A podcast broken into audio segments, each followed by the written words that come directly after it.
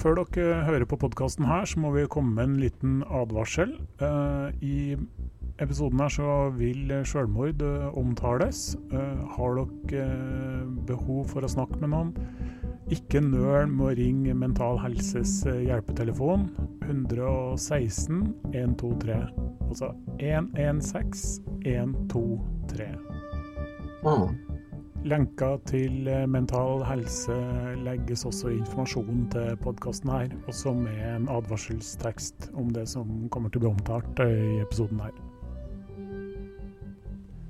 Eh, I tidligere episoder i podkastserien her så har vi jo snakka og referert om til jula 2019 en del ganger.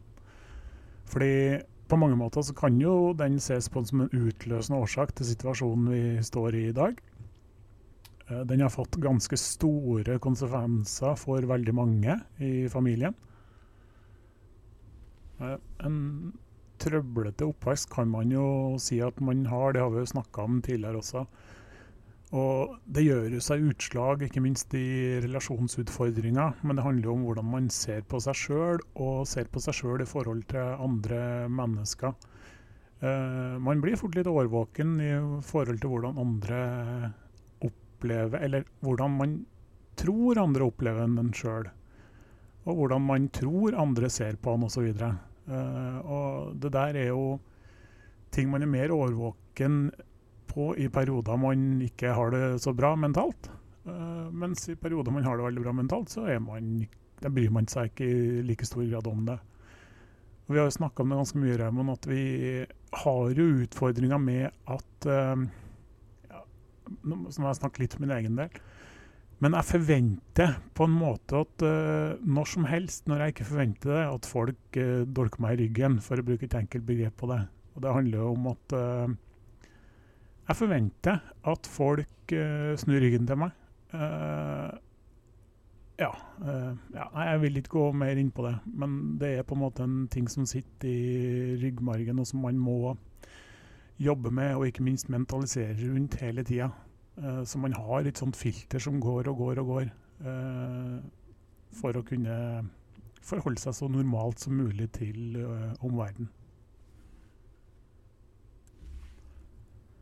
Dette er jo litt sånn generelle utfordringer som folk eller personer som har hatt en oppvekst med omsorgssvikt osv. Uh, det er jo veldig typisk at man har de utfordringene her. Men det var egentlig ikke det vi skulle prate om. Vi skal tilbake til jula 2019 og den kjipe hendelsen der, egentlig. Eh, jeg kjenner sjøl at det er veldig vanskelig å komme inn på det, og ikke minst vite hvordan, hvordan skal man starte den samtalen her. Hvordan skal man starte å omtale det her? Det her omhandler jo på en måte deg i størst grad, eh, Raymond. og da må, kan jeg jo bare si sjøl at uh, jeg opplever jo høsten 2019 med deg som om at uh,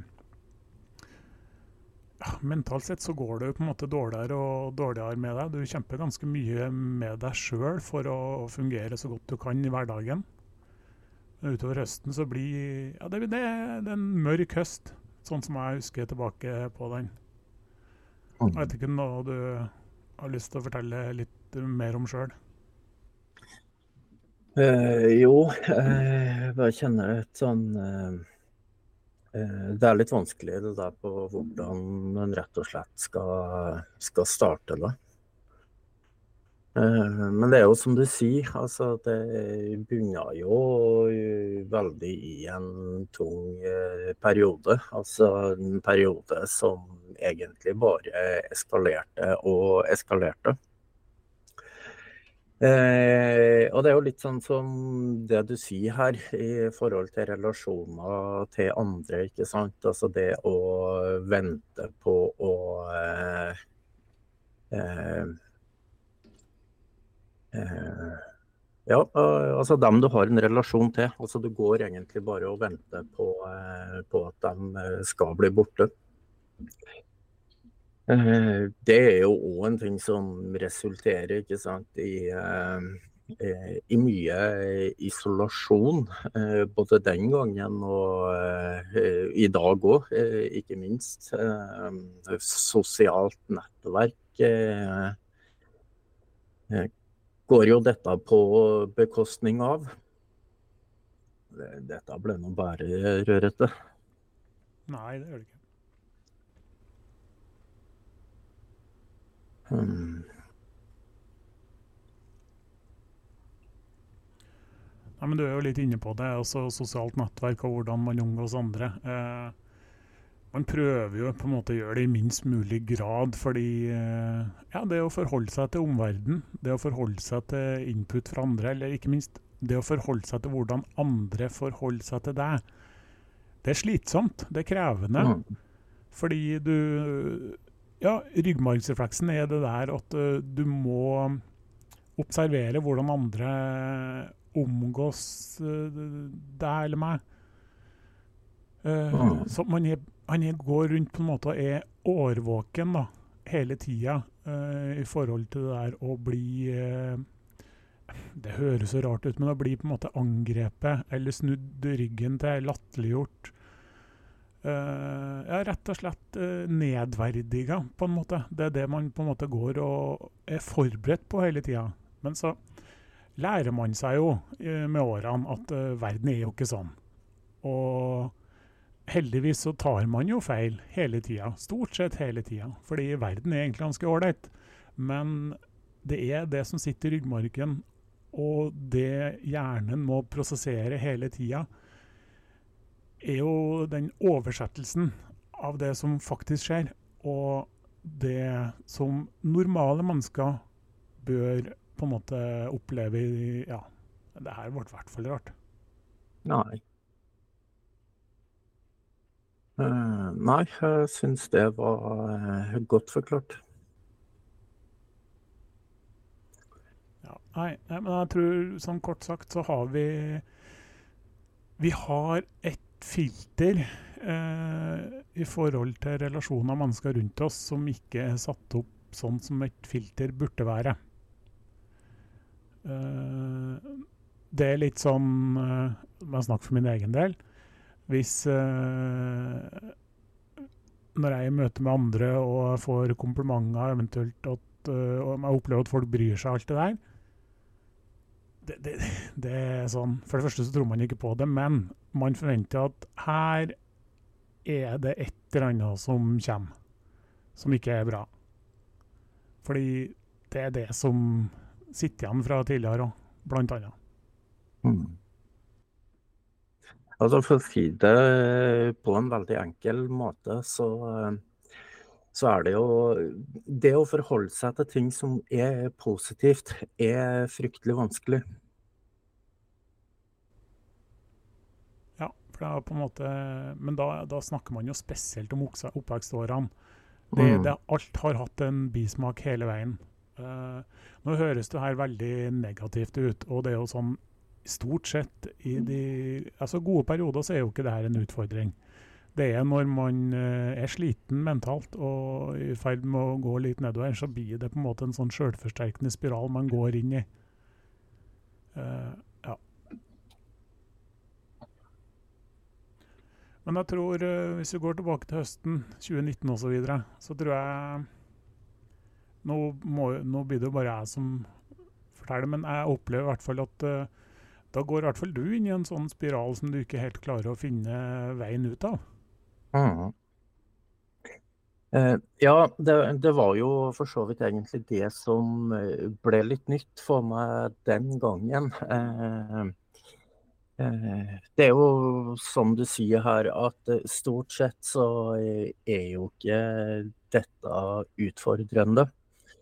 Eh, men høsten 2019 eh, så, eh, så, ble ting vanskelig for meg. Altså i den forstand at han later for mye som. han spiller for mye skuespill.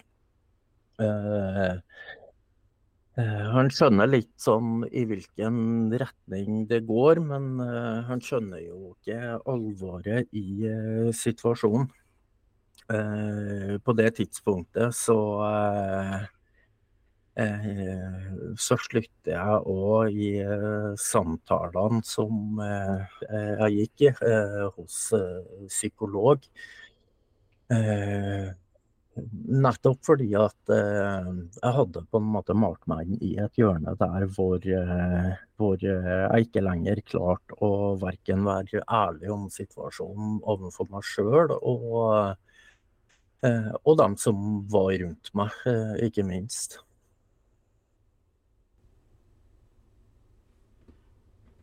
Ja, man ønsker jo ikke å være en belastning. Så det, det skuespillet du snakker om, det, er jo, det handler jo om å prøve å holde maska og mm. ikke slippe folk inn. fordi gjør du jo det, og så blir det på en måte bare enda et problem. Mm. Um, sånn personlig så opplever jeg jo, når vi kommer nærmere nærmere jula 2019, som at uh, skal en si, da? Jeg vet jo hvor mye du har på en måte vært gjennom, hvor mye du har stått i, hvor mye du har prøvd og fungert så godt du kan igjen og igjen og igjen. Og føler, altså i hvert fall sånn som jeg har sett det, at du har bare stått og stanga hodet i veggen igjen og igjen og igjen. Og ja, det, det, det, er vondt og tungt å stå i en sånn type situasjon. Mm. Så bare for å hoppe rett i det. Eh, jeg er bekymra for deg rundt den uh, jula 2019. Og det Ja, jeg snakker jo med deg stort sett hver dag i hele perioden der, både før og etter. Uh, mm. Og observerer jo på en måte at uh, her går det ikke bra. Her ja, er jeg bekymra for hva som kommer til å skje. julaften, første juledag, så jo, jeg snakker vel med deg først på, på julaften.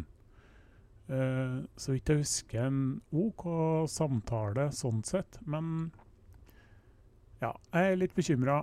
Eh, første juledag så får jeg ikke tak i deg på telefon. Uh, ja, prøver å ringe noen ganger. Uh, uh, ja, får ikke tak i deg ringer bl.a. til legevakta for å ja, legge inn Kall det en bekymringsmelding da, på at jeg er bekymra for deg. Og mm. situasjonen din, at du sitter der alene og ikke har det spesielt bra. Jeg er litt usikker på hva de gjør med den, men uh, uh, Ja, men vet du, dette uh, hadde jeg faktisk helt glemt. Eh, men jeg får faktisk eh, en telefon. Altså, jeg blir eh, oppringt. nettopp fordi at de har fått en bekymringsmelding. Stemmer. Det, det hadde jeg glemt. Mm.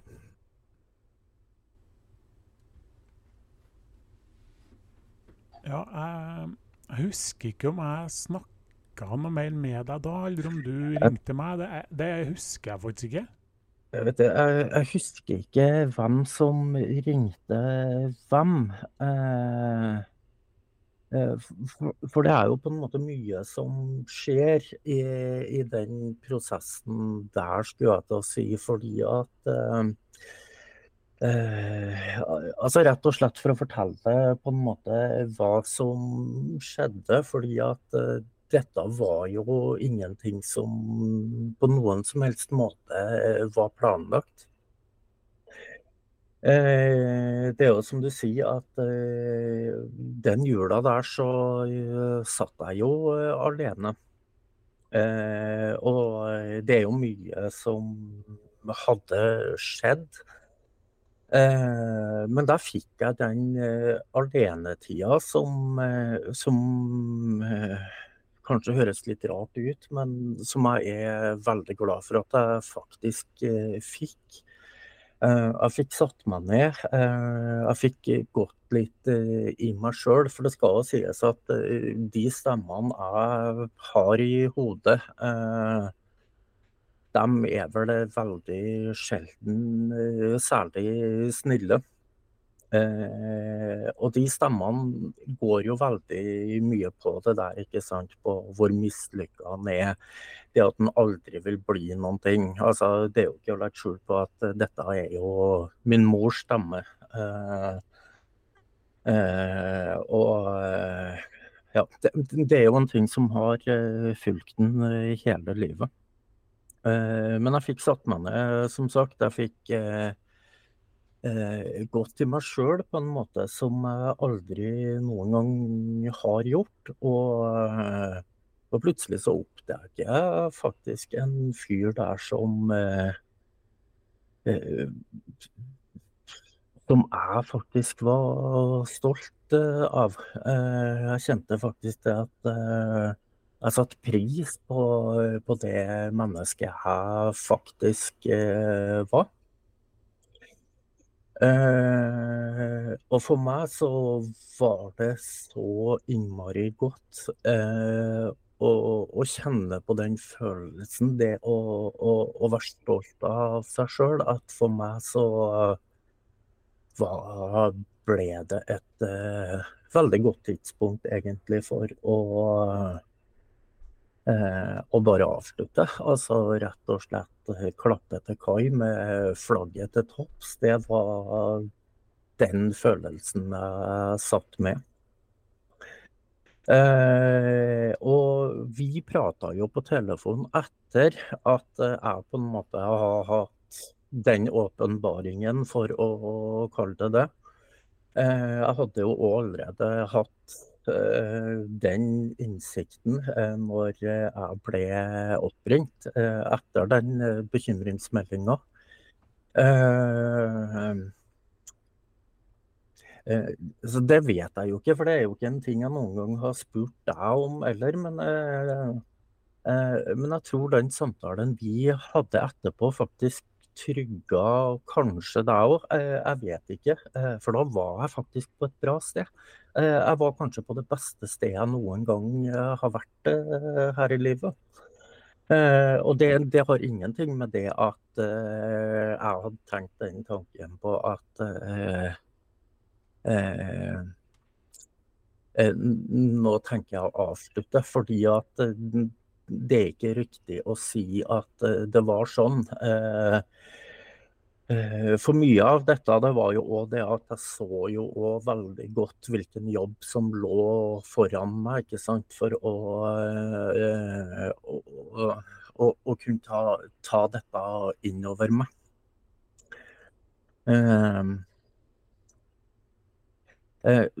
Så det var det var ikke noe ønske om å avslutte noe større enn ønsket om å leve, skulle jeg til å si. Men altså, det er den jobben som lå der.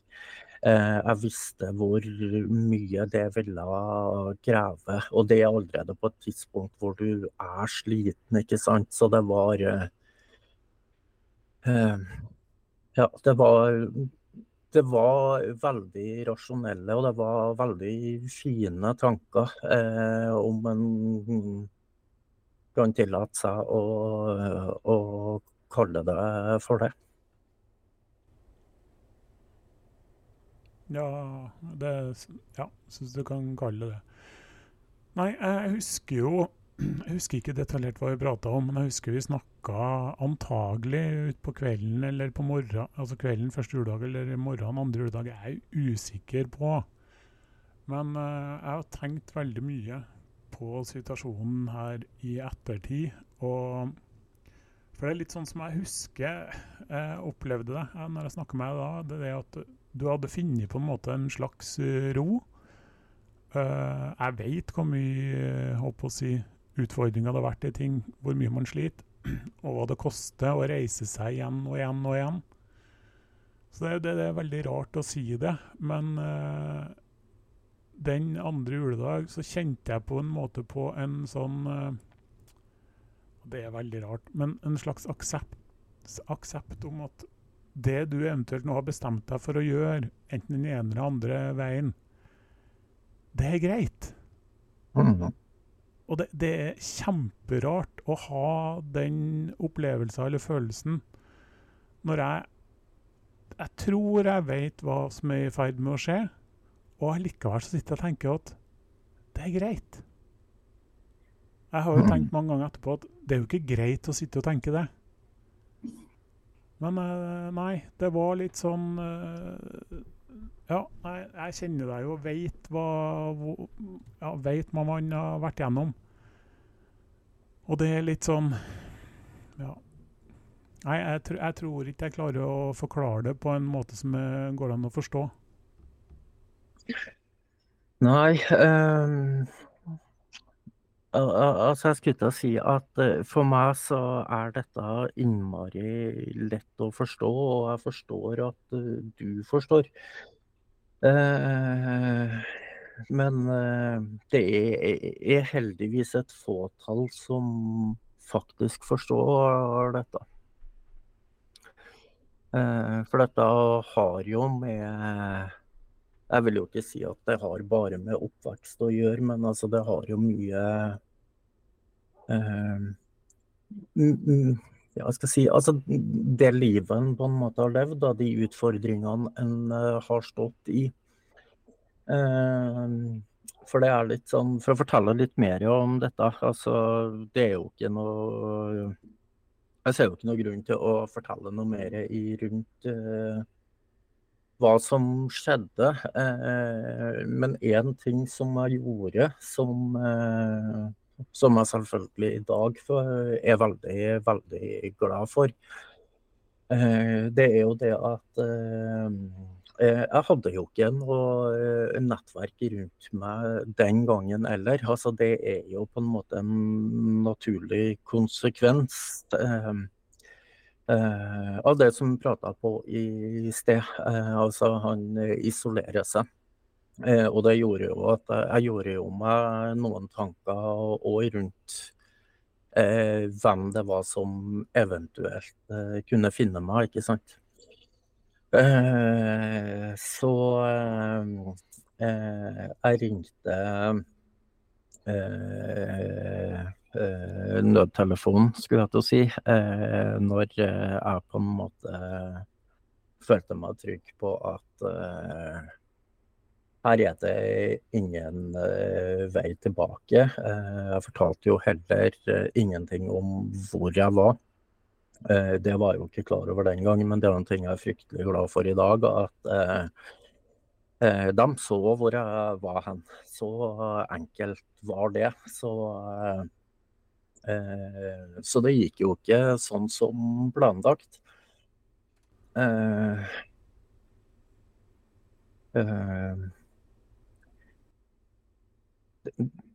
ja, hva skal jeg si altså For å forklare litt av hvordan uh, hodet mitt da fungerer. Uh, for det er jo sånn uh, Jeg kan jo på en måte bare prate for meg sjøl. men det er jo noen ting som skjer i etterkant av dette. for det første så er det jo det at Eh, når jeg da ble eh, funnet og eh, og etter sjekk på sykehus og den biten der, så, så ble jeg jo kjørt til en psykiatrisk avdeling. Og dette var på en fredag, hvis jeg ikke husker helt feil. Jeg tror dette var en fredag. Eh, det var i hvert fall eh, helg, eh, for da var det ingen leger der. Sånn at jeg måtte avvente til mandagen før, før jeg fikk den type samtaler. Nå kjenner jeg nå babler jeg litt, men det, det som får det nå bare bli. Det, det er litt vanskelig å prate, kjenner jeg. Eh, eh, det som i hvert fall skjedde, det, var en uh, fredag. For den andre kvelden når jeg er der, så kommer en av dem som jobber der, inn på rommet mitt der og, og setter seg ned og bare ser på meg. Eh, på en sånn ubehagelig måte. Eh, og så har jeg opplevd det som ubehagelig. Og så sier han bare at eh, du, du, er litt merkelig for oss, du. Eh, og jeg skjønner jo ikke hva han mener med det, så det spør jeg jo selvfølgelig om. Og da eh, sier han jo det at eh, i papirene på deg så har du kommet inn her nå i en, eh, i, i en krise. Men eh, vi opplever jo det ikke sånn. Eh, jeg befant meg ikke i en krise. Jeg hadde det utrolig bra med meg sjøl. Uh, men selvfølgelig så tenker en jo og de tankene, ikke sant, at er igjen så ko-ko at en faktisk faktisk ikke forstår det selv. Eh, men mandagen eh, kommer. Jeg får eh, samtale der først med en psykolog. Og jeg har ikke noe vanskeligheter med å, å, være ærlig rundt ting. Og jeg var jo ærlig med han òg. Og det var så fantastisk og, og det å faktisk prate med noen eh, som møter deg på, på din måte å, å tenke på. Eh, eh, det at med tanke på eh, eh På de utgangspunktene en har hatt da, fra han var liten, så, så, så er jeg faktisk på et eh, rasjonelt eh, sted. Det skal jo sies at eh, jeg ble jo utskrevet derifra jeg kom inn på, på en fredag. Eh, jeg ble utskrevet om det var, eh, var den mandagen eller om det var tirsdagen, det vet jeg ikke. Men i hvert fall der med samtale både med lege og psykolog.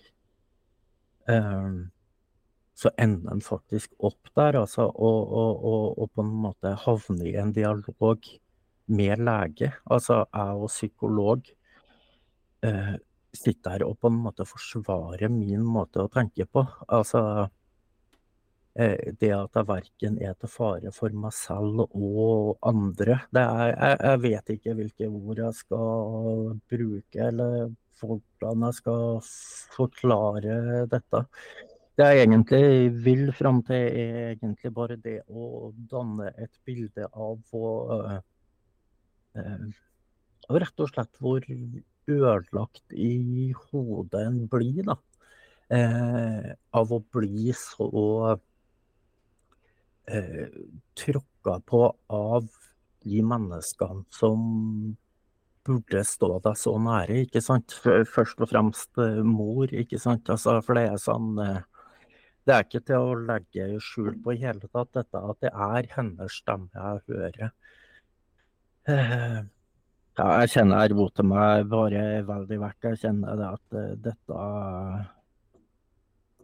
Dette er ikke Det er ikke så lett å prate om som jeg trodde, trodde det skulle gjøre. Nei, jeg skjønner det veldig godt. Jeg vil bare bryte inn og si her igjen at uh, hvis du trenger noen å prate med, ikke nøl med å ringe dere Mental Helse sin hjelpetelefon. Den er åpen døgn rundt hele året. 116 123. Uh, jeg vil bare gå sånn kjapt tilbake for min egen del til andre juledag der. fordi som jeg sa i stad, jeg, forstår på en måte egentlig litt hva som er i ferd med å skje, og jeg aksepterer det på en måte, på uh, min rare måte. Men uh, jeg kjenner jo det, det er jo ikke greit. Uh, så jeg, jeg, husker jo jeg ringte til legevakta uh, utpå ettermiddagen kvelden, andre juledagen 2019. Uh, og for, forklarte jo situasjonen med at jeg dagen før, eller julaften, ringte inn bekymringsmelding på deg. Og så forklarte jeg litt rundt situasjonen at jeg var bekymra. Og hun blir litt sånn rar, hun jeg prater med. Så sier jeg at uh, ja, han, han, er her faktisk nå. Uh, og som hun sa Jeg vet ikke hvor mye jeg skal si, men uh, det går bra nå, i hvert fall, sier jeg. Så jeg snakker jo litt med henne litt fram og tilbake der. Men uh, ja. Jeg skjønner jo at uh, det jeg på en måte frykta skulle skje, nesten skjedde. Um, ja. Nei, det er veldig rart det der. Men det er jo litt sånn når jeg, jeg snakker med deg ute på kvelden, og jeg kjører jo oppover uh, til deg, så er det litt sånn Jeg opplever på en måte at du har uh, trykka på reset-knappen på mange mm -hmm. måter. Uh, sånn som jeg ser det nå, så sto du på en måte foran to dører eller et veiskille. Det var enten den ene eller den andre. Du forsona deg på en måte med den ene. Men uh, idet du på en måte prøvde å gå gjennom den døra, så gikk du egentlig gjennom den andre. Og hadde på en måte forsona deg med situasjonen. Og at uh, du har gjort så godt du kan, og ting har på en måte blitt så godt det kan ut fra alle forutsetningene. Og så må mm. du bare ta det derfra. Mm. Så jeg, jeg, ser på det på en måte som at du trykte på den store reset-knappen der. Det, jeg ja. klarer ikke å forstå det på en annen måte. Nei, men det var uh, akkurat sånn det føltes. Og det, det, er jo det som på en måte gjør dette så absurd òg, ikke sant. For det er litt sånn som det jeg prøvde å uh, Uh, og fortelle i sted, så var ikke dette et ønske om verken det ene eller det andre. Det var på en måte bare det at uh, det ene det krevde ikke noen jobb, ikke sant. Uh, og, og, det var sånn det var for meg i, i tida etterpå. det var en veldig fin beskrivelse av det, faktisk, det der. og Eh, og trykt på reset-knappen. For det var det, det, var faktisk helt fantastisk etterpå. Altså, jeg var klar for å ta den jobben, ikke sant. Altså, det er sånn Livet smiler. Eh, eh, I en periode. Ja, det, det å, å si sånn du opplever det. Vi andre opplever det kanskje ikke helt sånn også, for det var, det var en vanskelig periode. Men eh, for å dra det tilbake til hele historia og podkastgreiene her, og hva det skal handle om også, så Vi har jo snakka mye om jula 2019. Nå vet dere på en måte noe av hva det handla om. Men på mange måter eh, så er jo det som skjedde da det er jo med på å virkelig tydeliggjøre hva slags mor vi har. Og hva mm. slags rolle hun har gjort, og, eller hva rolle hun har hatt, og hvordan hun behandler folk. Og hva det fører til. Fordi på mange måter det som skjer i løpet av de neste to-tre månedene der, de er så vanvittig beskrivende for hennes uh, måte å operere på. Og det tror jeg hun har på en måte vært med, i hvert fall i tidligfasen òg, vært med på å hjelpe til med å forstå og håndtere hele situasjonen. Sjøl om man akkurat i dag står eh, Ja, det, det, er på en måte en belastning, den situasjonen rundt uh, vår mor. Og da nettopp pga. den offentlige skittkampanjen de har kjørt mot veldig mange i familien sin, og ødelagt så mye, da. Men det som på en måte skjer jula 2019 og de månedene etter, de, er, de gir oss veldig veldig mange svar, og omverdenen veldig mange, mange svar. Det ligger eh, veldig mange svar i det som skjer i etterkant eh, av dette. Eh, og det ligger òg veldig mange forklaringer på mye av det vi har prata om tidligere. Eh, bare én ting som jeg har litt lyst til å si i den forbindelse.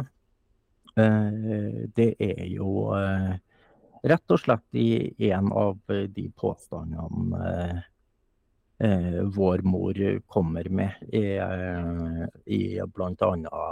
det brevet. Der hvor hun har vært i kontakt med lege og i hele tatt dette er jo et av de svarene som eh, gir av og skriftlig. Altså at det er når jeg skriver det. Spør Thomas eh, hvor enkelt det er å få opplysninger i, ut ifra lege. Det er Jeg kjenner det blir bare rørete, dette. Men Nei, men det er vel Men- sånn i papirene dine, så er det ikke han eh, onkelen som er på jevngammel med vår mor, og meg, som står som Jo. dine nærmeste pårørende. det er det.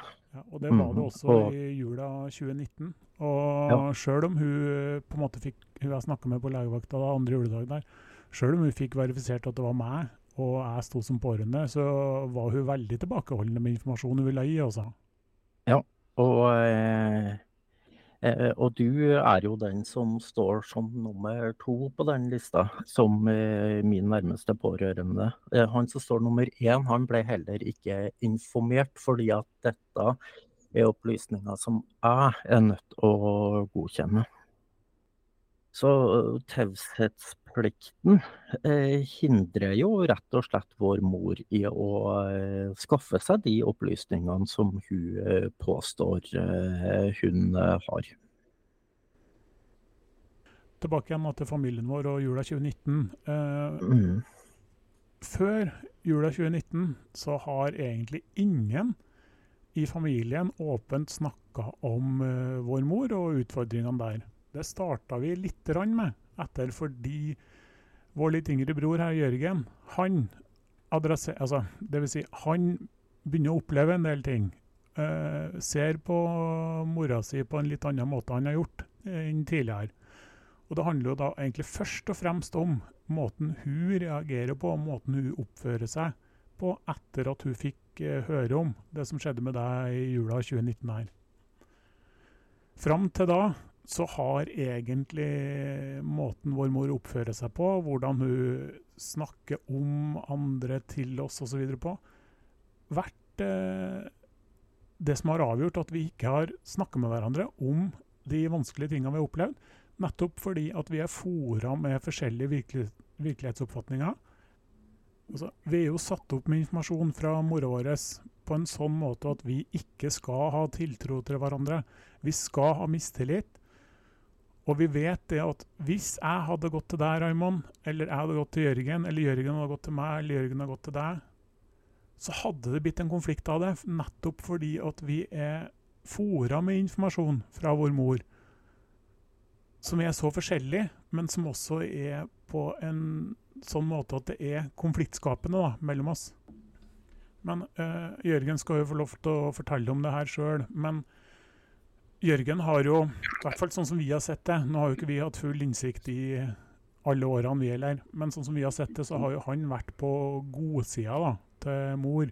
Så jeg har jo hatt en ja, litt sånn anstrengt relasjon til han òg, fordi man kunne aldri ha tatt opp ting som angår mor og alle situasjonene rundt det. Det har på en måte aldri vært mulig. Men det han opplever våren 2020, det er egentlig sånn som vi har snakka om, det vi har opplevd i 40 år fra vår mor. Han går fra å være en godtatt uh, person til å være en fullstendig non grata-person. Altså fullstendig uønska, og han er da psykopat og alt mulig rart han har overfor vår mor. Og det handler om noe så enkelt som at han har fullstendig avslørt hun og måten hun har eh, oppført seg på, eller egentlig alle løgnene og alle tullet hennes. Han avslørte det over natta. Og den dritkampanjen mot et menneske som han gikk gjennom i løpet av to-tre måneder våren 2020 der, altså, det, det, du finner ikke rasjonalitet i det overhodet. Og den største kampanjen, eller kamptosken, for å kalle den det, det er jo han onkelen som er ti år yngre enn mora vår. Altså, den jobben han legger ned for å ødelegge en familie, så til de grader basert på kun én input, og da er det kun input fra mora vår. Det er så uforståelig. Det, jeg har ikke ord som kan beskrive det engang. Men uh, jeg tenker litt uh, det at uh, Jeg tror ikke vi trenger å vente til at Jørgen er med for å fortelle om dette, fordi at det er så mye som skjer i, i den perioden der som vi er en del av. Eh, Eh, så jeg tenker jo at eh, vi kan fortelle om, eh, om dette, for Jørgen vil ha sin opplevelse i dette og, og fortelle likevel i ja, når, når, han føler seg klar for å være med og prate om dette. Ja da, absolutt. Men det som er uansett, ja, Bare for å se det litt fra min eller vår side der, da. Det er jo det at uh, Jørgen begynner å stille en del spørsmål til vår mors reaksjon og oppførsel uh, etter det som skjedde i jula 2019. Som gjør at han begynner å stille meg og deg litt spørsmål òg. Fordi han, uh, ja, han begynner rett og slett å bli litt nysgjerrig på hva er det som egentlig skjedde, da spesielt rundt konfliktrådsmøtet 2012. Hva som egentlig skjedde den gangen. Uh, for han begynner jo å lure på stemmer egentlig alt det mor har fortalt opp gjennom her. Mm. Så Ja, vi snakker jo mye, om mye forskjellig de påfølgende månedene til jula 2019 der, men han spør vel om lydopptaket, tror jeg, fra konfliktrådsmøtet i slutten av februar 2020. Jeg må lete litt for å finne det, men jeg, vi finner det og sender det over til dem. Og ja, til dem er jo Jørgen og hans kone. Ja, det Mm. Så jo, sender jo dem det lydopptaket. Eh, vi har jo en Messenger-dialog, vi søsknene og konene våre, på en måte. Hvor den der dialogen går. Og ja, reaksjonene deres etter det òg.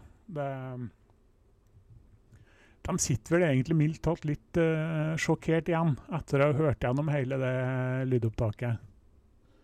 For det er jo som vi har sagt før, vi var veldig opptatt av at det vi skulle ta opp i 2012, det skulle være mulig å, å ettergå og sjekke ut av andre. Nettopp fordi vi vet at uansett hva vi hadde blitt tatt opp der, som er kritikkverdig rundt vår mor, så vil det bli sådd tvil om hun i ettertid. Det vil bli dikta opp en annen sannhet i ettertid. Det, det, det har alltid skjedd.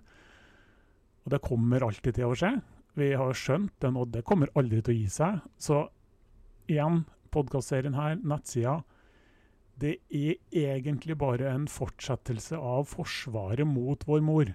Vi, må, vi ønsker å hindre skadevirkningene det hun driver på med videre. Fordi, det som jeg har sagt før, hun prøver å nå gjennom til flere rundt oss med sin forvrengte virkelighetsoppfatning. Men hun, hun ja, det her blir på en måte et offisielt motsvar til det. Hun skal ikke få lov til å ødelegge mer. Hun har ødelagt nok. Det må stoppe. Mm. Det, ja.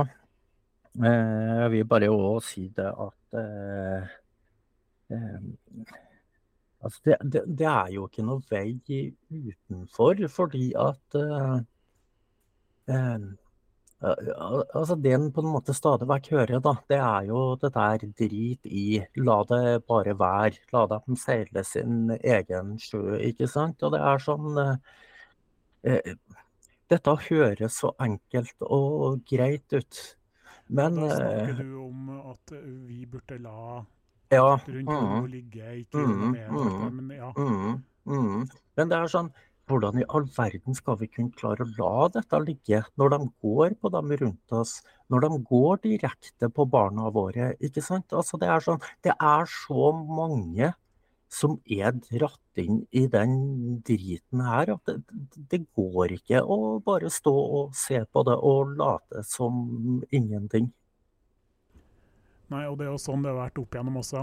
Og det er faktisk sånn når du aller, aller, aller minst venter det, så kommer det et slag fra venstresida fra, fra vår mor her. Og det kan være plutselig så har hun ringt til svigermor eller eh, sendt melding til et av barnebarna osv.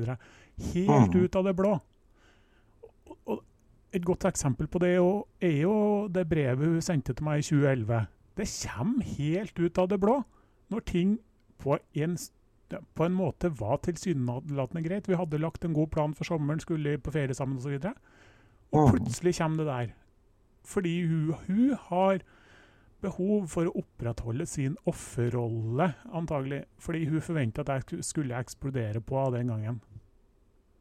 Og det er, liksom, det er, sånne ting som er repeterende for hun. Hun lever i offerrollen. Og hun må det Alt hun gjør da, og jobber for, det er å kaste mer ved på det bålet. Og det er vi som er veden til det bålet. Får hun ikke reaksjoner fra oss, eller oss som er i kampen mot henne, ifølge han tullete onkelen vi har, ja. så får hun ikke hun lagt mer ved på bålet, så har hun ikke noe. Men, og vi klarte jo egentlig i, fra 2012 til 2020 å la det her egentlig mer eller mindre ligge. Vi mm. kasta ikke noe mer på det bålet. Så det var egentlig ganske greie år. Men det kan vi snakke mm. mer om seinere. Mm. Men jeg vil gå tilbake til når uh, Jørgen hørte uh, lydopptaket. Uh, for det var en av de første dagene i mars 2020. det er jo en krise for hun, fordi han får jo en del spørsmål som han konfronterer hun med. For han har jo hørt noe, ikke veldig mye, men han har hørt noe fra vår mor rundt det konfliktrådsmøtet. Men alt han har hørt fra hun, det oppdager han jo at det stemmer jo ikke i det hele tatt. Det er jo ren, skjær løgn fra vår mor. Så han konfronterer henne med det og vil ha svar. Og da begår jo Jørgen verdens største feil i vår eh, mors uh, verden. Han har sett henne i korta. Han har skjønt hva hun holder på med. Jørgen må elimineres. Mm. Det er på en måte sånn det oppleves. Fordi ja, det, det, er vel da hun får støtte fra bror sin om å gå til politiet og anmelde meg og deg uh, for mm. spredning av lydopptak. Uh, som dere har sett, den uh, anmeldelsen ble henlagt fordi det ikke var noe grunnlag til å undersøke noe av straffbart forhold den 19. mars. Uh, fram til 19. mars 2020 så er kun lydopptaket delt med Jørgen. Siden jeg delte det med mor og gubben hennes i 2012. Og da går altså vår mor og anmelder spredning av lydopptak på nett. Det er hennes svar. Det er hennes rasjonelle svar å gi på en måte Jørgen og oss på hvorfor hun har jugd så grovt da, om uh, hva som skjedde i 2012. Mm. Ja, nei, og det, det, er jo sånn Det må jo legges til. Det når du får brevet fra politiet om at saken er henlagt, det er første kontaktpunktet du har siden eh, egentlig 2012. Og mm. ikke minst første kontaktpunktet du har fra vår mor og han tullete yngre broren der, altså onkelen, mm. siden jula 2020, nei, 2019. Altså det er sant. mm. Du blir anmeldt for tull! For noe som skulle ha skjedd, var det i 2012 det sto anmeldelse at det, liksom, forholdet skulle ha skjedd. Det anmeldes i 20, mars 2020. For hva? Du har akkurat prøvd å ikke eksistere lenger. Og det er det første hører fra mora di. Jeg mm. ble så forbanna og frustrert da. Men heldigvis er jeg klart å la være å gjøre noen ting. Fordi det der òg, det handler nok en gang om, sånn som jeg ser det, at hun må fremprovosere irrasjonelle reaksjoner fra meg og deg Sånn at hun mm. fortsatt kan sitte i den offerrollen. Se hvor grusomme og fæle og horrible de er. For mm. Hadde vi reagert da, så hadde jo antagelig kunnet ha brukt vår reaksjon da òg til å famle tilbake Jørgen da, inn i sin krets igjen. Men der igjen, heldigvis, vi reagerte ikke med irrasjonalitet. Vi prøvde og forholde oss så rasjonelle som overhodet mulig til situasjonen. Det var ikke lett. Men i og med at hun ikke fikk noen reaksjoner der, så bare i løpet noen, noen dager etter den eh, anmeldelsen ble kjent her, så er jo forholdet hun har til Jørgen, fullstendig ødelagt. Fordi hun på ingen som helst måte kan ta ansvar for sine destruktive handlinger. Hun har aldri gjort noe galt. Hun har aldri løgna eller aldri gjort noe feil. Og det Ja, nei. Det er bare frustrerende. Eh, mm. Ja, nei, det er jo det som er så absurd eh, oppi, eh, oppi dette. For det er jo Du nevnte jo her i sted at vi, vi har den Eh, felles eh, chatten på Facebook. Og eh, jeg må jo si i dag er jeg jo kjempeglad for at stort for at mesteparten av den dialogen vi hadde, faktisk var på Facebook den gangen. Fordi at det var enklest, i og med at vi var flere. Og du, du advarer jo Jørgen mot å konfrontere vår mor med dette, nettopp pga. konsekvenser dette kan få for uh, han. Ja, og eh, jeg og det, tror den advarselen jeg sendte til han jeg, jeg, jeg, skal sjekke opp dataen på det.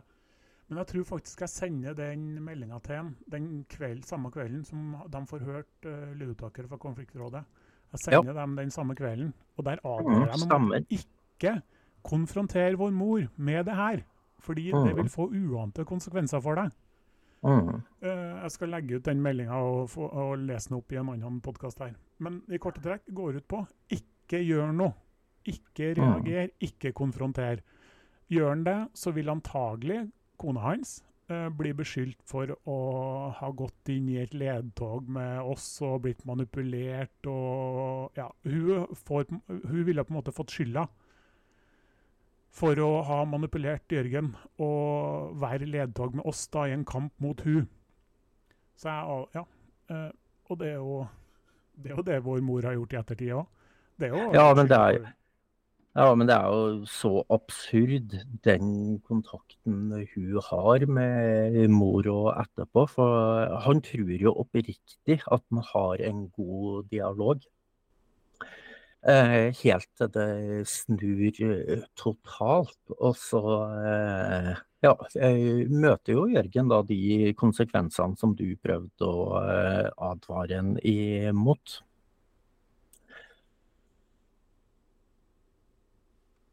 Ja, de skjer jo så til de grader. Det, nei, nei, Jørgen skal få lov til å, få lov til å fortelle ja. sin historie rundt det her, altså. Men det, det er det er bare Det er så sinnssykt absurd. Og spes... Altså, Jørgen er jo den som har prøvd, og da må jeg bare si prøvd, å prate med vår tullete onkel her. Jeg, jeg kaller han tullete, for jeg har ja. ikke noe bedre beskrivende ord på han. Men jeg har prøvd Nei. å prate med en, og det, sånn som jeg har referer, fått referert ting der, så er det som å snakke med en vegg. Eh, det er null evne til både å se seg sjøl i en situasjon, se mm. andre i en situasjon altså, det, det, er null evne til både rasjonell og empatisk tenkning overhodet. Og det, det, det, er litt for å referere samtalen jeg hadde med en i november 2021 nå, når jeg ba han om å slutte å spre løgn. Og, men det er liksom Nei, ingen skulle gi han input, nei. Eller jeg husker ikke helt eksakt hva han sa. Men det var Nei, det var vel ingen som trengte å fortelle han noen ting, for han klarte å handle han basert på den inputen han fikk. Så det ja, Nei, det er så Mennesker vet jo at man ingen kan handle på input fra kun én side. Det, det sånn, da, da, gjør du ikke rasjonelle ting, da. Så enkelt ja. er det. Men det er sånn Det er så kokkoland, rett og slett. Um, og det, og, og det, det, det altså jeg kjenner jo på det. Det er jo ingenting å holde tilbake. For det er ren og skjær ondskap. Det er så sjeleløst, det de eh, driver på med. Eh, og du har jo eh, her på en måte nevnt vår onkel, ikke sant, med tanke på utdanning, stillingen har. Eh, men jeg syns heller ikke en skal glemme kona hans oppi dette, og den rollen hun har i dette. Altså, både vår onkel og hans kone er jo vitner i anmeldelsene. De er begge to aktive i barns rett til besteforeldre. Altså, dette er helt kokkoland. Eh, han har nå på en måte sin jobb og sin utdanning. Eh, men hans kone, som jobber som rådgiver i barne- og oppveksttjenesten i eh, den kommunen de bor, det, det er jo galskap. Ja, det, det, er veldig rart at de eh, ja, oppfører seg på måten de gjør. Og det er jo sånn, Bare siden det her blir jo da våren 2021, så har de avslått fire invitasjoner til dialog i konfliktrådsmøtet. Fordi mm. vi ønsker å liksom roe ned litt, da. Eh, det fins eh, for dere òg fins det to versjoner av virkeligheten. Eh, ta en liten dialog rundt det her, så vil dere se at uh, verden er ikke svart-hvitt, sånn som dere tror. Det er liksom Nei, handlingene til vår mor har som sagt ødelagt altfor mye. Det må stoppe et eller annet sted. Mm. Altså, det, det, det, det, er så absurd, dette. For det er jo Det eneste ønsket vi har hatt, det er jo å være i fred. Slutt å, øh, å, å, henge ut på nett som dere gjør. Eh, men det, det, det, det er overhodet ikke en, ingen interesse for det. Altså, de gjør jo snarere tvert imot. Altså, de gjør alt for å opprettholde dette. Det er eh, Nei, jeg forstår det ikke. Rett og slett ikke.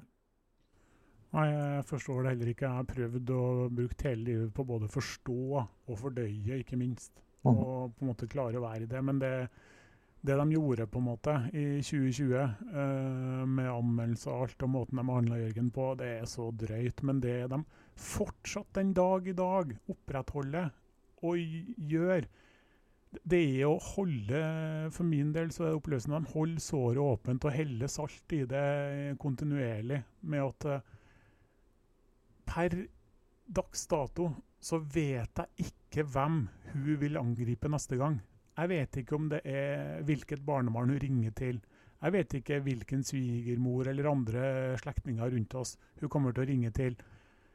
Og hun er jo en sånn forsiktig type som fremstår som stakkarslig, så hun, hun, ringer jo ikke og anklager eller noe sånne ting. Det er bare sånn 'Å, jeg vet ikke hvor de bor akkurat nå. Å, jeg skulle bare gratulert.' Altså, det er sånn tulleting. Men det, det, det, er jo ikke det det handler om for hun. Det her handler om for hun å røske opp i og fremprovosere reaksjoner. For hun vet at uh, reaksjonene får spesielt jeg på sånne typer handlinger. Så handler det bare om hvor godt rusta jeg er akkurat uh, når det skjer, om hvordan jeg håndterer det. Men hun gjør det hun kan for at uh, for at jeg skal reagere. Så hun prøver å time ting. Ja, det skal vi ta mye mer om seinere, for der finnes det også heldigvis dokumentasjon da, som viser de irrasjonelle handlingene hennes. Og setter dem mm. på en måte i et system som jeg tror det går an for helt utenforstående å forstå. Dette er siste podkast for 2023. Vi vil komme med nye episoder i januar 2024. Vi ønsker dere alle en god jul. Ta vare på hverandre. Og husk, et av de aller kraftigste ordene vi kan bruke er unnskyld. Vi gjør alle feil og heldigvis har de aller fleste egenskapen å tilgi og bruke og mene ordet unnskyld. I don't know how to be the same. Why you fucking me up? I still don't really feel no pain. If something don't change, I'm always gonna be this way. So why you have to be so dumb? I'm always gonna be this way. Stupid bitch, you're gonna be okay. Open up so you can see in